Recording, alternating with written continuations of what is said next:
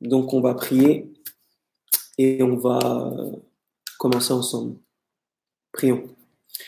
Ton Père Céleste, notre Dieu, notre Père, notre Roi, nous voulons te remercier, Père, pour ta fidélité, ta justice, ton amour envers chacun d'entre nous, Père. Tu dis, Seigneur Dieu, que tu es fidèle.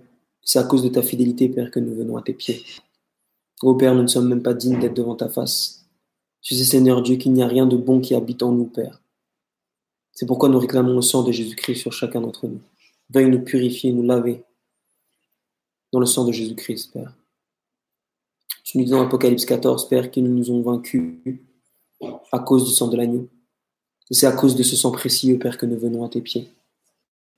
Ô Seigneur Dieu, nous te prions de nous sanctifier par la parole que nous allons voir, afin que tu ouvres notre entendement, que tu ouvres notre cœur à recevoir cette parole.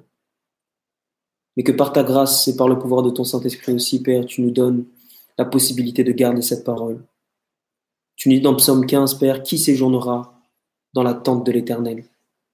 Ce sont ceux et celles qui ont été intègres et ceux et celles qui ont pratiqué ta justice. Ô Père, ne permets pas que nous soyons simplement de ceux qui entendent, mais permets par ta grâce que nous soyons de ceux qui pratiquent.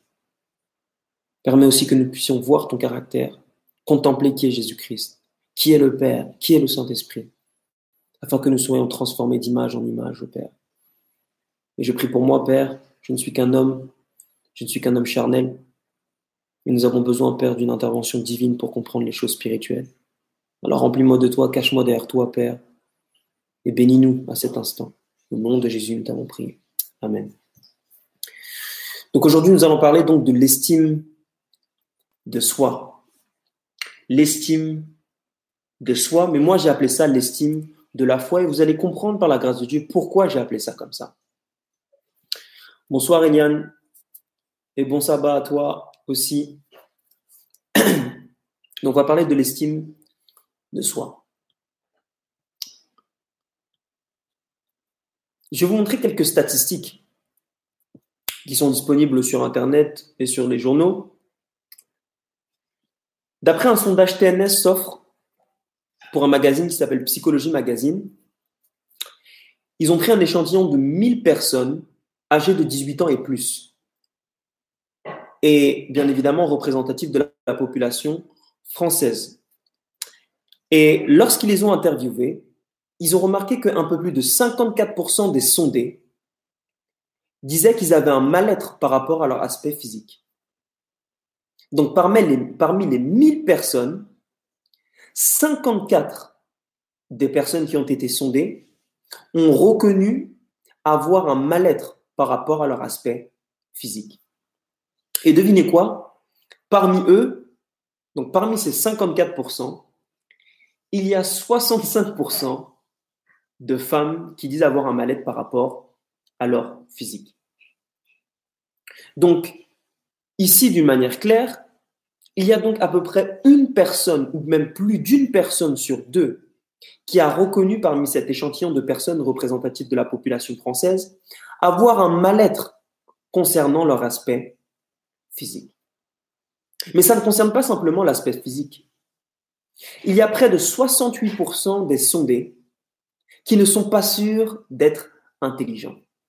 Autrement dit, ils n'ont pas simplement un mal-être physique, mais certains d'entre eux, ou même la plupart d'entre eux, ont un mal-être psychologique. Ils estiment que peut-être ils ne sont pas assez intelligents.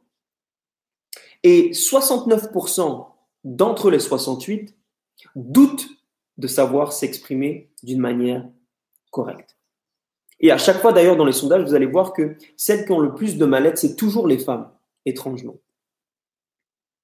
Et le sondage termine en posant cette question. Êtes-vous complexé dit le magazine à cet échantillon de personnes?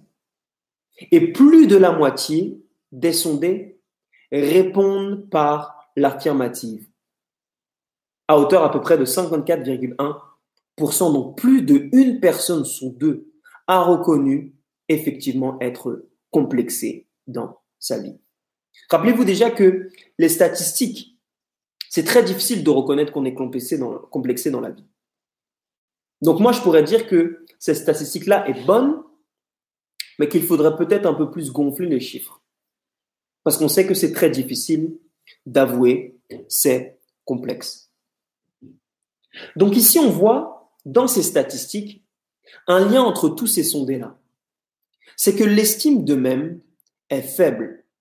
Et si on comparait dans la population, il y a plus donc de 54% de personnes, donc plus d'une personne sur deux que vous rencontrez dans la rue, qui a une estime faible de sa propre personne. Et ça se traduit d'ailleurs par des complexes physiques, complexes mentaux et parfois même des complexes euh, spirituels. Bon sabbat, bon sabbat à toi aussi, euh, Christian Roux. Je mettrai la source d'ailleurs de, de, cela dans, dans la description sans aucun problème ou dans les commentaires. Donc le lien entre tous ces statistiques, plus d'une personne sur deux, mes frères et sœurs, ont une estime d'eux qui est faible d'eux-mêmes. Autrement dit, ils ne connaissent pas leur valeur. Et je suis sûr que des personnes qui nous regardent aujourd'hui, je suis sûr à 100% qu'il y en a d'entre vous aussi qui ont une estime de vous qui est très, très basse. Vous savez que certains scientifiques aussi, je crois que c'est le magazine euh, Science, Science, Science Direct, et je me rappelle plus le nom du, scientifique, mais bref, c'est un groupe de, un groupe de médecins. Ils ont réalisé une, étude euh, de 2008 à 2010 au sein d'un centre d'accueil de patients qui étaient euh, suicidants. Donc, c'est-à-dire des patients qui avaient des tendances suicidaires. Et donc, cet hôpital euh, s'occupait d'eux parce qu'ils avaient des tendances suicidaires. Et l'hôpital en question, c'est l'hôpital Sainte-Anne à Paris, pour ceux qui connaissent. Et ils ont fait une étude sur ces patients-là qui avaient une tendance suicidaire. Et vous savez ce qu'ils en ont conclu, je cite, La faible estime de soi était corrélée à l'intentionnalité suicidaire indépendamment de la dépression. Donc d'une manière simple, ils ont réussi à faire une corrélation et prouver une corrélation entre les tendances suicidaires qu'avaient ces personnes-là et leur estime d'eux-mêmes. Et ils ont dit que c'était même indépendant de la dépression. Autrement dit, la dépression n'influait pas sur cette statistique-là. Et vous savez combien on a de suicides à peu près en France par an? On en a 10 500 par an. 10 500 personnes, mes frères et sœurs, qui meurent par suicide chaque année. Certains médias disent que c'est trois fois le nombre de décès causés par les accidents de la circulation. Vous voyez le nombre de campagnes publicitaires que l'on fait sur la télé par rapport au nombre de morts qu'il y a sur la route? Eh bien, figurez-vous qu'il y a trois fois plus de personnes qui meurent par suicide que par accident de la circulation. Or, nous avons vu ensemble que des scientifiques ont établi une corrélation entre le suicide, dans certains cas bien sûr, entre le suicide et l'estime de soi. Imaginez-vous, mes frères et sœurs, un monde où, si on pouvait traiter l'estime de soi, si on pouvait régler cette question-là de l'estime de soi, imaginez-vous en France, nous pourrions sauver plus de 10 500 personnes par an. Vous imaginez? 10 500 personnes, mes frères et sœurs, qui au moins souffrent à cause de l'estime de soi et qui se suicident chaque année. Sur 5 ans, ça donnerait 52 500 personnes. Sur 10 ans, ça donnerait 100 500 personnes. C'est énorme, mes frères et sœurs. Juste en réglant ce problème d'estime de soi, on pourrait sauver en 10 ans plus de 100 000 personnes. Et je le répète, le lien entre toutes ces statistiques-là, c'est que le premier point, l'estime d'eux-mêmes de toutes ces personnes-là était basse et était faible. Et cette estime d'eux-mêmes qui était faible s'est manifestée en une souffrance qui est devenue, qui était d'abord interne et qui s'est transcrite par l'extérieur et qui a mené plusieurs de ces personnes-là à avoir des tendances suicidaires. Et enfin, le troisième point, c'est que l'estime d'eux-mêmes était déterminée par des choses extérieur. Rappelez-vous la première statistique. Oh, je ne m'aime pas parce que je regarde mon corps et je ne m'aime pas. Si vous lisez cet article-là, d'ailleurs, vous allez voir que la plupart d'entre eux euh, sont complexés par rapport à leur ventre, en disant oh j'ai trop un gros ventre, etc., euh, etc. Tout ça par des choses extérieures. Donc, vous voyez, mes frères et sœurs, que l'estime de soi, c'est un sujet qui est très, très, très, très, très important et qui est au cœur de notre société. Donc, vous savez que je suis chrétien de toute façon.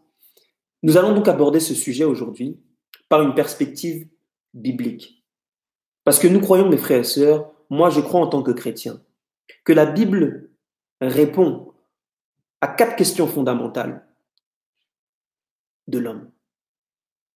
Et l'une de ces questions fondamentales, c'est le but de la vie. Il y a aussi la destination, etc., etc. Mais je pense que la Bible peut répondre à cette question. Et je suis sûr que vous vous êtes déjà posé cette question. Ai-je de la valeur? Tout court d'abord. Ai-je véritablement de la valeur? Et je vous invite d'abord à aller dans une parabole il y a beaucoup de façons de montrer ça, mais je vais essayer de faire très simple. On va aller dans Luc 15. Luc 15. Luc 15 à partir du verset 11. Luc 15 à partir du verset 11. Je vais noter ce verset. Hop, hop. Luc 15. Si vous avez des questions, gardez-les. Lorsqu'on aura terminé, on va essayer peut-être de faire un question-réponse en fonction du temps qui nous reste, parce que vous savez que moi, je déteste être long. Luc 15 à partir du verset 1, pardon, j'ai dit 11, 1 à 7. Et on va lire ensemble.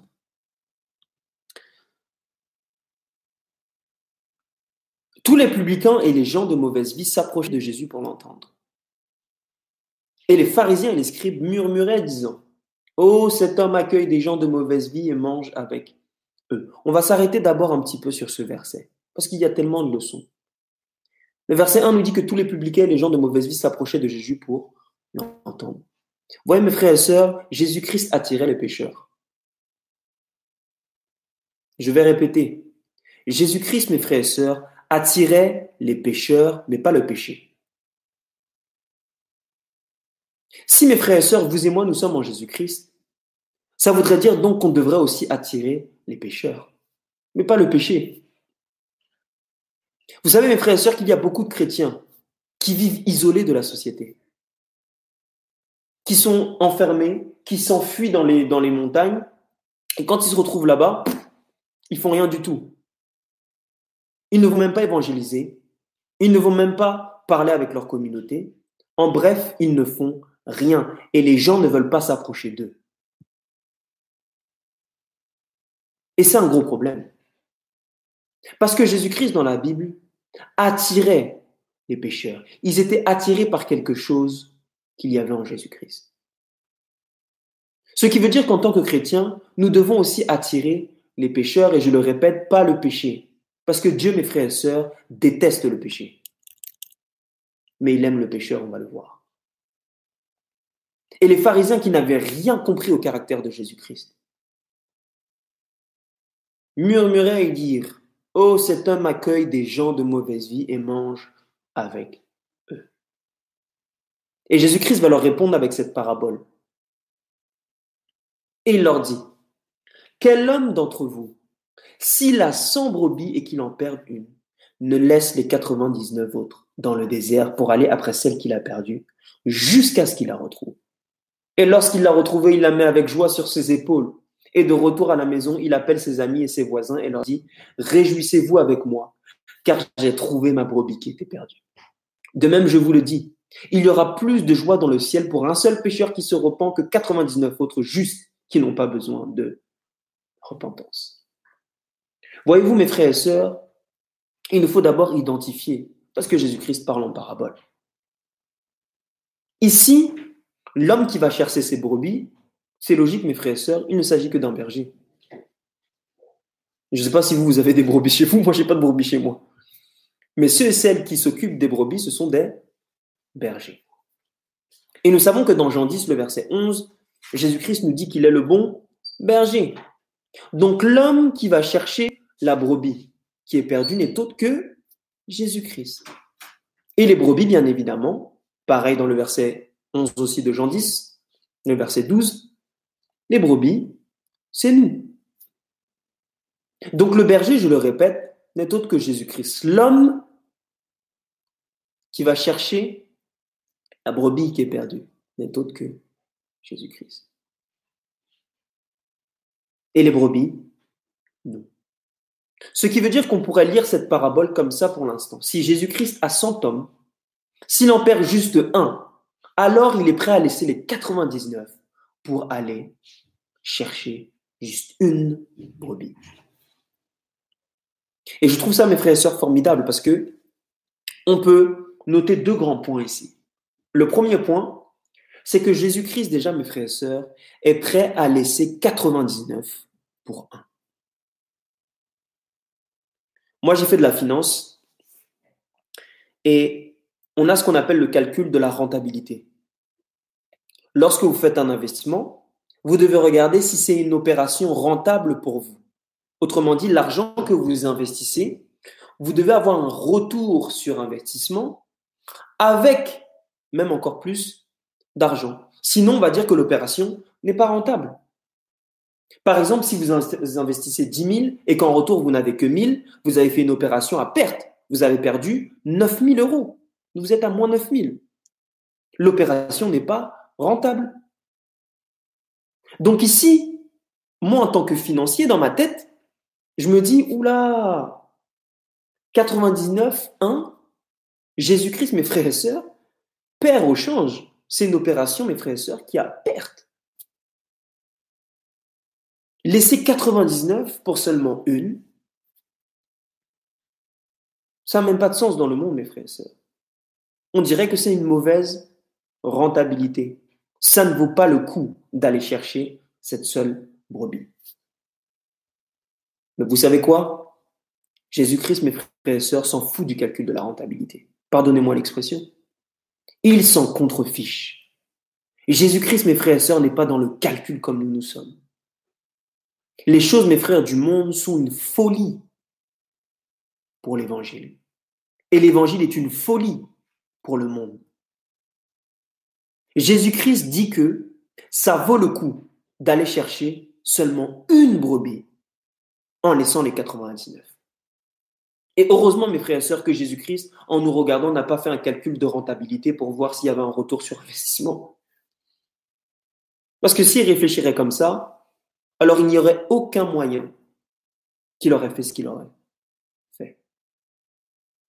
Et le deuxième point que nous pouvons voir dans ce texte, c'est que si on lit bien le texte, Jésus-Christ n'est pas sûr de pouvoir retrouver la première brebis, puisqu'elle a été perdue. Dites-moi, lorsque vous perdez quelque chose, est-ce que vous êtes sûr que vous allez la retrouver? Non. Si on est honnête avec nous-mêmes, la plupart du temps, lorsqu'on perd quelque chose, on a un gros doute sur si on aura la possibilité de la retrouver ou pas. Mais pour la possibilité de la retrouver, vous et moi, nous allons chercher. Ce qui veut dire ici, mes frères et sœurs, et ça c'est quelque chose qui me... Ah, ça me fait réfléchir, je vous le dis. Ça me fait vraiment réfléchir. Jésus-Christ n'était pas sûr de trouver cette brebis-là. Mais il a laissé les 99 pour la possibilité de pouvoir la retrouver. Je vais répéter mes frères et sœurs. Jésus-Christ, pour une seule brebis, est prêt à laisser les 99 pour la possibilité ça veut dire qu'il n'était même pas sûr. La possibilité, mes frères et sœurs, de gagner cette et de trouver cette brebis. Mes frères et sœurs, c'est quelque chose de très puissant, ça, dans l'évangile. Vous et moi, on ne on peut pas faire ça. Vous allez laisser tout ce que vous avez pour la possibilité d'avoir quelque chose. Vous n'êtes même pas sûr? Les gens vont dire non, non, non, non, non. C'est de la folie, mes frères et sœurs. Mais Jésus-Christ, L'idée même qu'il pouvait retrouver cette brebis, ça suffit pour qu'il prenne un risque Je me demande combien de chrétiens, mes frères et sœurs, sont réellement capables et réellement prêts à prendre des risques pour l'évangile. On est trop confortable. Quand on veut faire des centres de santé, on est en train de faire des calculs. Je ne dis pas que c'est mauvais, mais ces calculs nous freinent dans le premier pas. On est là en train de se dire, oh non, ça va être ceci, ça va être ceci. Faites un, prenez un risque pour l'évangile. Beaucoup d'étudiants disent, oh, je vais attendre d'avoir bac plus 5, bac plus 6, bac plus 7, et ensuite, là, je vais dire à Dieu, envoie-moi là où tu veux. Mais combien mes frères et sœurs sont prêts à arrêter leurs études et dire à Dieu, c'est radical, hein, et dire à Dieu, oh, puisque tu as risqué ça pour moi, moi je vais tout risquer pour l'évangile. Tout risquer à cause du risque que tu as pris. Combien d'étudiants peuvent dire ça? Seigneur Dieu, envoie-moi là où tu veux. Même si je ne termine pas mes études, toi envoie-moi. Envoie-moi à Dubaï, peut-être là où il n'y a pas l'évangile. Envoie-moi au Rwanda, envoie-moi au Togo, envoie-moi au Cameroun, envoie-moi au Mexique. Je suis prêt à ce que tu m'envoies, peu importe là où tu veux, parce que tu as pris un risque pour moi. Voyez-vous, mes frères et sœurs, lorsque Jésus-Christ est venu ici, il n'avait pas de plan B. Le plan B, c'était le plan de la rédemption. S'il échouait sur le plan de la rédemption, il n'y avait plus de plan B. Ce qui veut dire que Jésus-Christ a tout risqué sans plan B, mes frères et sœurs. Oh, je prie Dieu pour que Dieu envoie des missionnaires comme ça, qui vont sans garantie. Leur seule garantie, c'est Jésus-Christ. Nous continuons sur le texte. La Bible nous dit que Jésus-Christ va chercher la brebis à quel endroit? Le verset 4. On nous dit qu'il va le chercher qui va laisser les 99 autres où? Dans le désert, pour aller après celle qui est perdue. Maintenant, je vous pose une question simple. Le désert, mes frères et sœurs, c'est un endroit comment, littéralement? Est-ce que c'est un endroit qui est paisible? Est-ce que c'est un endroit où, comme ils disent en anglais, vous allez lay down, donc vous allez être comme ça, au désert et ouf, vous allez être confortable? Non, non, non. Le désert, mes frères et sœurs, c'est un endroit qui est bourré de risques. Regardez les documentaires, c'est un endroit qui est hyper dangereux. Vous avez, euh, par exemple, euh, comme, comme, comme, vous avez des, des scorpions. Une seule piqûre d'un scorpion, c'est mortel. Mal soigné, vous mourrez. Vous avez des serpents. Une seule morsure, bam, mortel. Donc c'est un endroit où vous pouvez mourir très facilement. Vous pouvez mourir d'insolation, vous pouvez mourir de déshydratation, mourir parce que vous n'avez pas mangé depuis. Donc c'est un endroit qui est propice à la mort. Lorsqu'on dit que Jésus-Christ était dans ce désert-là, on est en train de dire que Jésus-Christ, mes frères et sœurs, a pris un risque. Quel genre de risque? Le risque de mourir. Donc on pourrait lire ce texte d'une manière simple. Jésus-Christ a donc pris le risque de mourir juste pour la possibilité de retrouver une seule personne. Mes frères et sœurs, c'est le type d'amour que Dieu a pour l'homme. Vous vous rendez compte? C'est pour ça que vraiment l'amour de Dieu, c'est quelque chose, ça sera le sujet pour ceux et celles qui vont aller au ciel. Et je prie Dieu pour que ce soit notre cas. Ça sera un sujet d'étude d'éternité en éternité. Qui peut comprendre ce genre de truc? Et dans Romains 5, le verset 8, la Bible nous dit, vous connaissez tous ce, texte, mais Dieu prouve son amour de telle sorte que lorsque nous étions encore pécheurs, Christ est mort pour vous et moi. Lorsque nous étions encore pécheurs. Ça, c'est l'un des textes les plus puissants dans la Bible. Ce qui veut dire, mes frères et sœurs, que Christ a donné sa vie alors même que nous étions encore pécheurs. Donc il n'a pas entendu que vous et moi nous soyons justes pour mourir pour nous. Dieu n'a pas attendu que vous et moi nous fassions quoi que ce soit pour qu'il ait de l'amour pour nous. Ça, c'est une, fausse amour. Vous attendez que quelqu'un fasse quelque chose et là, vous l'aimez. Ça, c'est un amour poubelle. Mais l'amour dans la Bible, c'est un amour qui est désintéressé. Jésus-Christ, je le répète, a donné sa vie pour les pécheurs avant même qu'il fasse quoi que ce soit, avant même qu'il soit juste. Et c'est là, mes frères et sœurs, on retombe sur la valeur. L'estime de soi.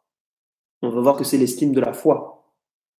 La valeur que Dieu nous donne n'est pas déterminée par ce que nous faisons ou ne faisons pas pour lui. Mes frères et sœurs, combien il y a de jeunes et de chrétiens qui pensent qu'ils ont besoin de faire quelque chose pour que Dieu les aime plus Quelle erreur de penser ça Le Dieu dans la Bible, mes frères et sœurs, c'est un Dieu qui aime inconditionnellement. Et la valeur qu'il a donnée à l'homme est déterminée par son sacrifice. Elle est déterminée par son sacrifice. Et la valeur que Dieu nous a donnée n'est ni déterminée par ce que nous faisons, ni déterminée par ce que nous ne faisons pas. D'ailleurs, pour ceux et celles qui veulent comprendre un peu plus le risque, j'avais fait un audio sur la plus grande tentative de meurtre. Je vous invite à écouter ça pour comprendre en profondeur le risque que Jésus-Christ a pris. Lorsque vous comprenez ça, vous comprenez, ah, waouh, c'est quel genre d'amour ça C'est donc ça qu'il a fait Parce que beaucoup de gens parlent de l'amour de Christ, beaucoup de gens parlent de la croix, mais c'est une croix, mes frères et sœurs, qui est vraiment bancale. Une croix qui est bancale. Donc Jésus-Christ, je le répète, a donné sa vie alors même que nous étions pécheurs. Il nous a valorisés avant même que nous fassions quoi que ce soit. Et c'est pour cette raison-là, et on va retomber sur l'estime de soi. Dans 1 Jean 4, le verset 9, je vais aller un peu vite. 1 Jean 4, le verset 19, pardon.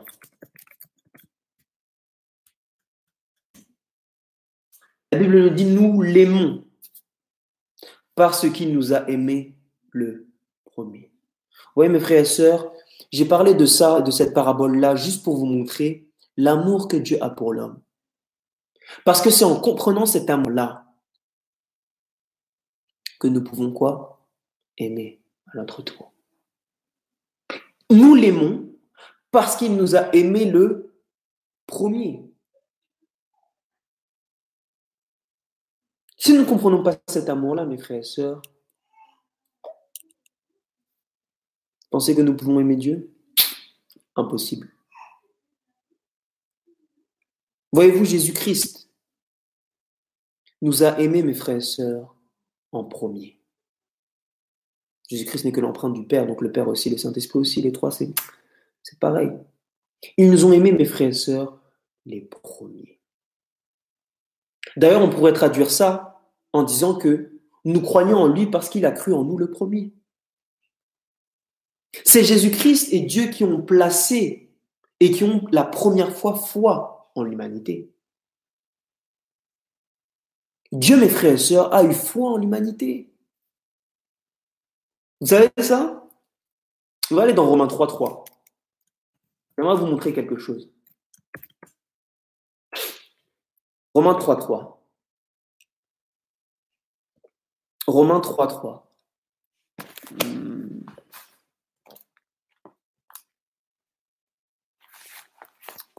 J'ai peur de dériver sur le message. J'ai peur de faire la foi du Père. Donc priez pour moi.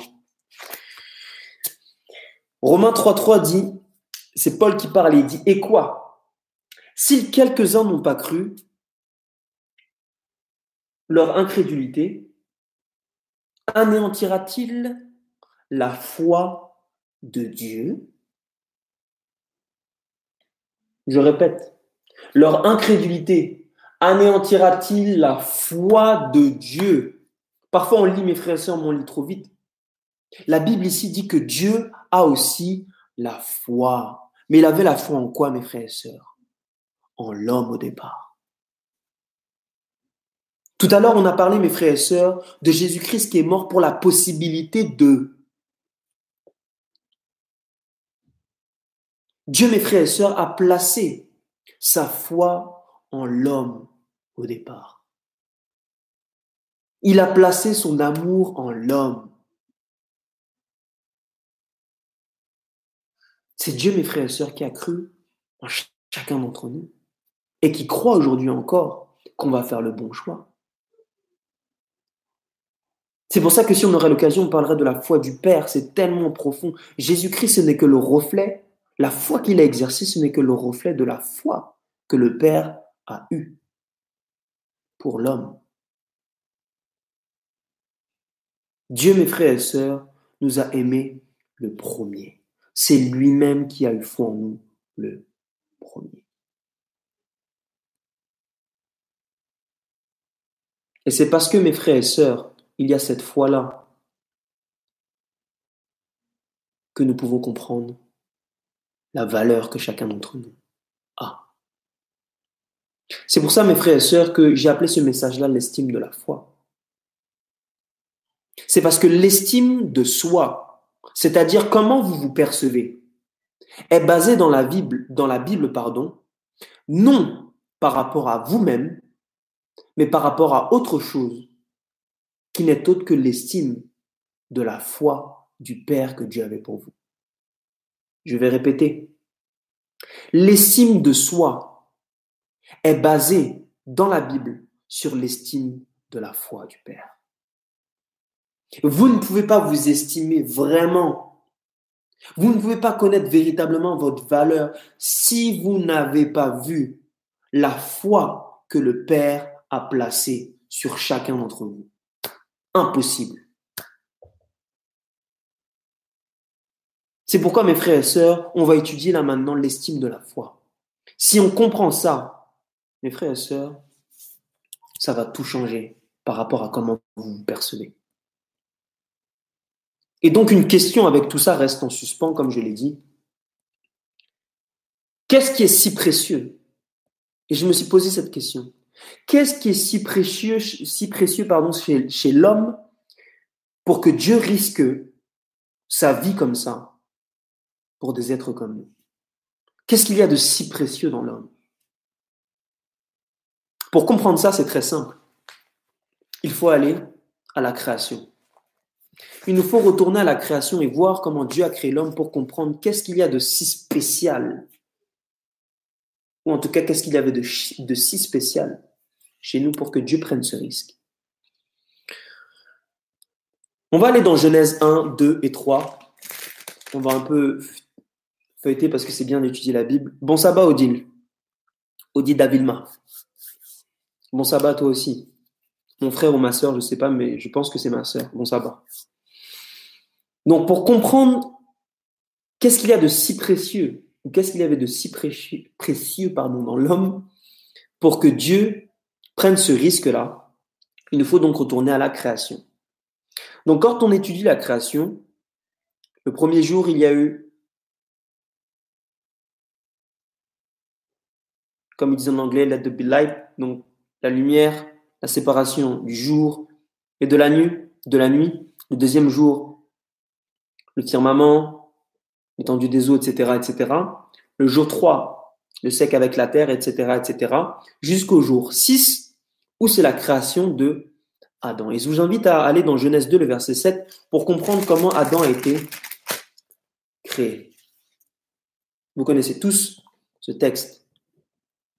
Genèse 2, à partir du verset 7. La Bible nous dit, et l'Éternel Dieu forma l'homme de la poussière de la terre et souffla dans ses narines une respiration de vie et l'homme devient une âme vivante. Donc ici, on voit que l'homme a été créé à partir de quoi, mes frères et sœurs? À partir de la poussière. À partir de la poussière. À partir de la poussière. Or, j'aimerais vous montrer un petit détail Genèse, je vous dis, c'est moi c'est mon livre préféré parce que c'est il y a tout il y a tout l'évangile compilé dedans. Rappelez-vous, l'homme a été créé de la poussière. À partir de la poussière et du souffle de vie que Dieu a soufflé en eux, mais à partir de la poussière, il a été formé. Maintenant, on va aller dans Genèse 2, le verset 10, et on nous dit ceci. Et un fleuve sortait d'Éden pour arroser le jardin, et de là, il se divisait et devenait quatre rivières. Le nom de la première était Pichon, c'est elle qui entoure tous les pays de Haïlia, où il y avait, retenez bien ça, de l'or. Et l'or de ce pays-là était bon. Là est le beldium, ou le beldium, pardon, et la pierre d'onyx. Et ensuite, il y a second, la, seconde rivière, Guillon, Idélec et l'Euphrate. Donc, la Bible nous dit qu'il y avait de l'or et des pierres précieuses en Éden. Si vous lisez les écrits d'Ellen White, vous allez voir que même Ellen White disait que il y avait de, l'or et de, des pierres précieuses à portée de main comme ça. Mais Dieu, mes frères et sœurs, a choisi de créer l'homme à partir de la poussière. Est-ce que Dieu n'aurait pas pu utiliser, mes frères et sœurs, de l'or? Est-ce que Dieu n'aurait pas pu trouver, mes frères et sœurs, euh, euh, des pierres précieuses? Mais Dieu a fait l'homme à partir de la poussière, ce qui veut dire, d'une manière logique, que Dieu a refusé d'utiliser les pierres précieuses et l'or pour créer l'homme. Mais il a décidé de faire l'homme à partir de quoi? De la poussière. Ce qu'il n'a même pas fait avec l'homme, mes frères et. Est-ce que vous vous rendez compte? Maintenant, on va raisonner ensemble. Et on va aller dans Genèse 1, le verset 26. Genèse 1, le verset 26, et un frère a bien répondu. Dans Genèse 1, à partir du verset 26, vous connaissez ce verset, la Bible nous dit Faisons l'homme à notre image, selon notre ressemblance. Ce qui veut dire que Dieu a créé l'homme à l'image de qui? De Dieu. Autrement dit, mes frères et sœurs, Dieu a pris la poussière et il y a mis, paf, l'image de Dieu dedans. Ce qui veut dire, mes frères et sœurs, que Dieu a donné de la valeur à de la poussière, mes frères et sœurs. C'est Dieu lui-même qui a donné de la valeur à la poussière.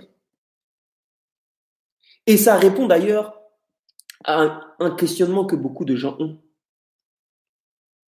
Est-ce que mes frères et sœurs, c'est Adam lui-même qui s'est donné de la valeur à lui-même? On parle de l'image de Dieu là, mes frères et sœurs. L'image de Dieu, c'est pas rien. Les animaux n'ont pas été créés à l'image de Dieu. L'or n'a pas été créé à l'image de Dieu. Mais Dieu a fait quelque chose avec la poussière qu'il n'a pas fait avec les autres. Il a mis l'image de Dieu à la base dans l'homme en Éden.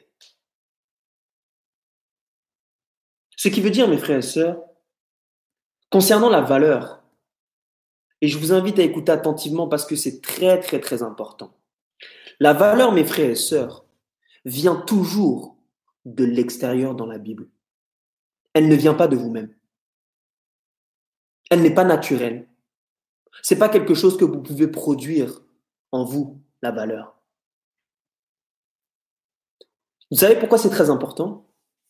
Parce qu'aujourd'hui, on a des mouvements qui sont liés à ce qu'on appelle le nouvel âge, ou le New Age en anglais, qui ont comme racine Alice Bailey, Peut-être que je ferai des vidéos dessus. Alice Bailey qui a écrit beaucoup de livres sur ça et qui fait partie de ce qu'on appelle Lucis Trust.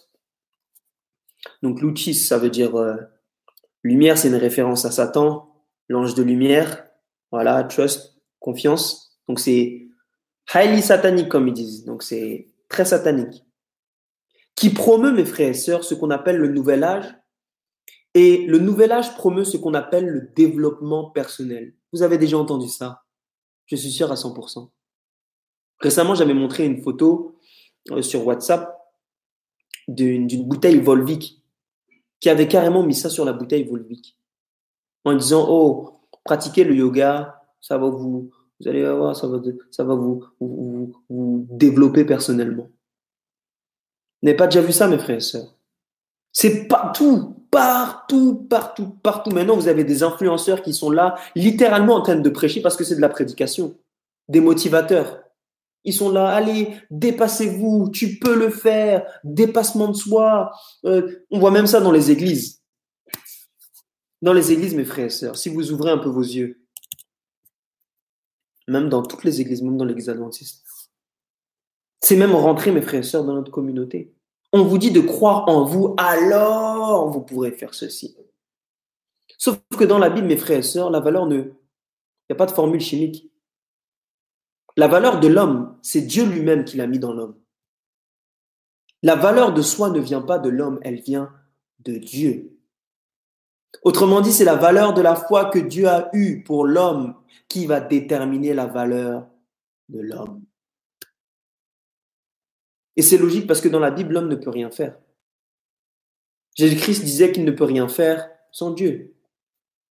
Philippiens 4, le verset 13 nous dit, euh, je puis tout par celui qui me fortifie. Je puis tout par celui qui me fortifie. Donc Dieu. L'homme dans la Bible ne peut rien faire de lui-même. Sa valeur, mes frères et sœurs, vient de Dieu. Dieu, mes frères et sœurs, a valorisé la poussière plus que l'or plus que l'or, plus que l'argent, plus que toutes les pierres précieuses, à cause de l'image qu'il avait mis dans l'homme. Donc la valeur, mes frères et sœurs, ne vient que de Dieu. Elle ne vient, mes frères et sœurs, que de Dieu. Et ça pose un problème dans la société d'ailleurs.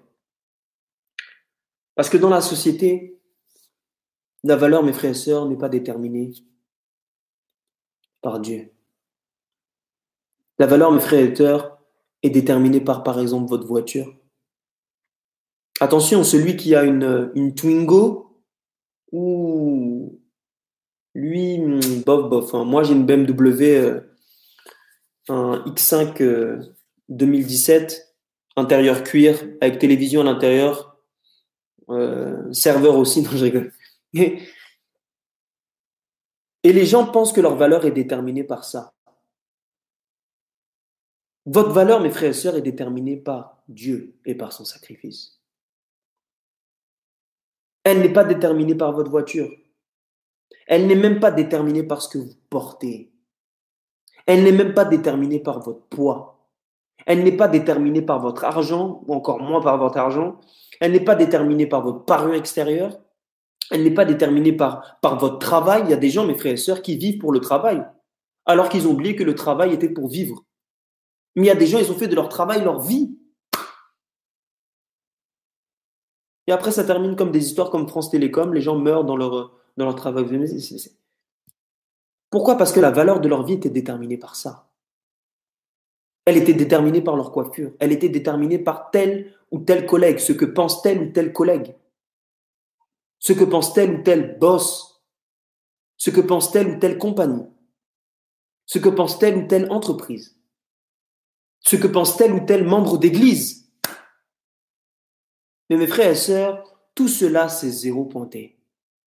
La valeur de l'homme dans la Bible est déterminée par Dieu. Elle est déterminée par son créateur. Aucune chose extérieure ne peut déterminer la valeur de l'homme si ce n'est Dieu lui-même. Maintenant, je pose une question simple et on va conclure avec tout ça. Si la valeur de l'homme est déterminée par Dieu, si vous mettez Dieu de côté dans votre vie, qu'est-ce qui se passe? Vous ne comprenez plus votre valeur. Vous pensez que vous n'avez pas de valeur. Et c'est exactement ce qui se passe dans la société. Vous savez encore que la société, parce qu'il y a beaucoup de chrétiens, et notamment les, je dis si, les chrétiens, c'est les gens, comme ils disent en anglais, les plus worst, worst qu'il y a dans le, monde. C'est les gens les plus, pardonnez-moi pour l'instant, c'est les gens les plus bizarres qu'il y a dans le monde. On dit que l'évangile a été prêché partout. Pourtant, récemment, il y a une statistique chrétienne qui est sortie disant qu'il y avait 40%, que 40% des personnes qui avaient entendu vraiment l'évangile. Oh, moi, j'aurais peur. Dans certaines communautés, on dit, oh, l'évangile est déjà machin, mais du chouette. Pas du tout. 40% sur 7 milliards de personnes qui ont entendu l'évangile. Que 40%. Que 40%, mes frères et sœurs. Et la plupart donc du monde, c'est un monde qui est athée. C'est un monde qui a rejeté Dieu.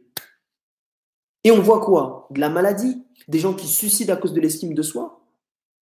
Pourquoi, mes frères et sœurs? Pourquoi les gens ont du mal à avoir une bonne estime d'eux-mêmes? Parce qu'ils ont rejeté Dieu. Je vous donne un exemple simple. Euh, supposons que vous voulez connaître le prix d'achat. Le prix d'achat, euh, on va dire, on va, appeler ça comme ça, le prix d'achat euh, de mise en circulation. Allez. Le prix d'achat de mise en circulation, par exemple, de votre voiture. Si vous voulez connaître la véritable valeur d'achat qu'avait votre voiture au départ, est-ce que vous allez demander à vos voisins? Est-ce que vous allez demander à, à, à, je sais pas moi, à votre concierge, allô, oui, euh, écoute, euh, je viens d'acheter une, une, voiture Capture Renault, un 4x4, et j'aurais voulu savoir le, le prix d'achat d'origine. Est-ce que vous allez appeler votre voisin? Pas du tout. Vous allez appeler qui? Celui qui a fait la voiture. Vous allez appeler le concessionnaire. Pourquoi? Parce que c'est le concessionnaire qui est le plus apte à déterminer la valeur d'achat de la voiture. Mais nous, qu'est-ce qu'on fait? Pour connaître notre valeur, on va aller voir le pasteur, on va aller voir l'ancien, on va aller voir notre voisin, on va aller voir un membre de notre famille, on va aller voir euh, notre collègue, on va aller voir ceci, ceci, cela, cela. Alors que la valeur, mes frères et sœurs, de la, de la voiture est déterminée par celui qui l'a conçue. Donc le seul moyen, mes frères et sœurs, de connaître votre valeur, c'est de s'approcher de celui qui vous a créé. Il y a combien de personnes, mes frères et sœurs, qui meurent? Sans savoir ce que Dieu pense d'eux Ou ils pensent savoir ce que Dieu pense d'eux, mais non pas la vérité. Vous savez, mes frères et sœurs, et je vais terminer par ça. Beaucoup d'entre nous, si on est honnête avec nous-mêmes, nous mettons Dieu de côté, ou nous avons peut-être mis Dieu de côté. Le monde aujourd'hui met Dieu de côté. On a vu ensemble qu'il en résulte des suicides, des guerres, des famines. On a vu aussi, je vais répéter, les suicides pour mauvaise estime de soi. Les gens, mes frères et sœurs, ne connaissent plus leur valeur. Leur valeur a été biaisée et ils s'inventent des codes moraux. Vous savez, mes frères et sœurs, que lorsque je marche dans la rue, je vois plein de gens avec des cheveux violets, des cheveux rouges, des cheveux, on ne comprend plus, des cheveux. Ils se ils se les cheveux en permanence. Vous savez, mes frères et sœurs, que c'est un symptôme du fait que ces personnes-là ne connaissent pas leur valeur. Si les gens connaîtraient leur vraie valeur, la valeur que Dieu leur a donnée, mes frères et sœurs, pas besoin de mettre des artifices extérieurs sur leur tête. Des gens qui mettent des bijoux, pensant que ça augmente leur valeur, et se sentent mieux eux-mêmes, pensant que c'est ça qui les valorise. Des gens qui se mettent du maquillage, on dirait un tableau de Picasso, qui mentent aux gens. Parce que c'est un mensonge de mettre du maquillage, mes frères Ce n'est pas votre vraie tête. Tout ça, mes frères et sœurs, piercing, toutes ces choses-là, ce n'est qu'un symptôme du fait qu'ils ne connaissent pas leur valeur. Mais qu'ils ne connaissent pas leur valeur, ce n'est qu'un symptôme d'une autre chose. Ils ont rejeté Dieu et ils ont besoin de savoir qui est Dieu. On voit nos jeunes qui quittent l'Église. On voit nos jeunes femmes, nos jeunes filles qui se mettent avec n'importe qui, qui baissent l'enstandard. Ce n'est qu'un symptôme, mes frères et sœurs. Ils ne connaissent pas leur valeur. Tous ces jeunes qui quittent l'Église aujourd'hui. Et on invente des excuses. Oui, la musique n'est pas assez forte, la musique n'est pas assez rêve, tout ça, c'est... Les jeunes quittent l'Église, mes frères et sœurs, parce qu'ils ne voient pas la réelle valeur que Dieu leur a donnée. Alors comment, mes frères et sœurs, trouver Dieu? Comment trouver Dieu? C'est une question que beaucoup de gens se posent. Et je vais répondre et terminer par cette citation. Il y avait un auteur qui disait que parfois, on attend de Dieu un miracle, alors que Dieu n'attend simplement qu'une décision. Il y a beaucoup de gens qui prient, Oh Seigneur, fais un miracle dans ma vie. Oh Seigneur Dieu, j'ai du mal à lâcher la cigarette. Oh, fais un miracle. Oh Dieu, j'ai du mal à lâcher ma bouteille d'alcool. Oh, fais un miracle. Oh Dieu, j'ai du mal à faire ceci. J'ai du mal à lâcher cette relation. J'ai du mal à lâcher cet homme qui me bat. J'ai du mal à... Et qui attendent que Dieu fait un miracle. Mais j'ai envie de vous dire, mes frères et sœurs, que parfois, Dieu attend simplement une décision de notre part. Il attend simplement que nous prenions une décision pour notre propre vie.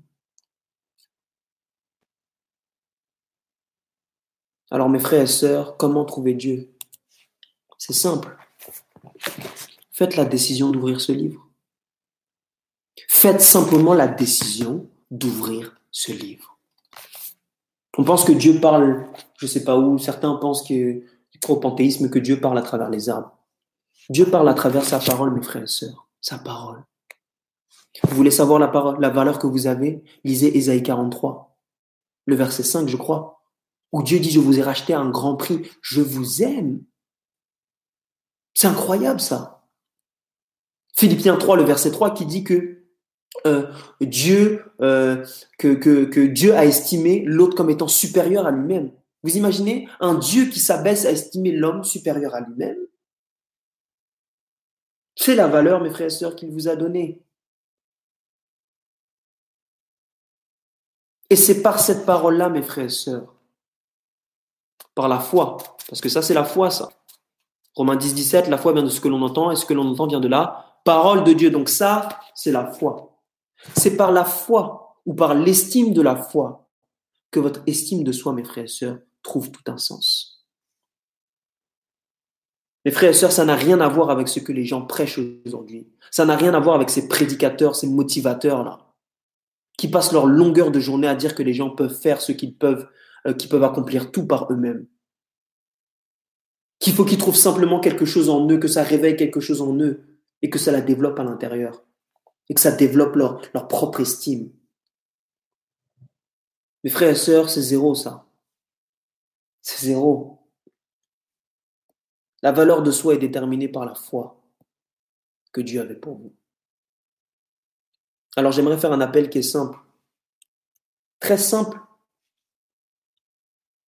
C'est faites le choix. Faites le choix, mes frères et sœurs, de croire ce que Dieu dit ici. Faites simplement le choix de croire que Dieu vous aime.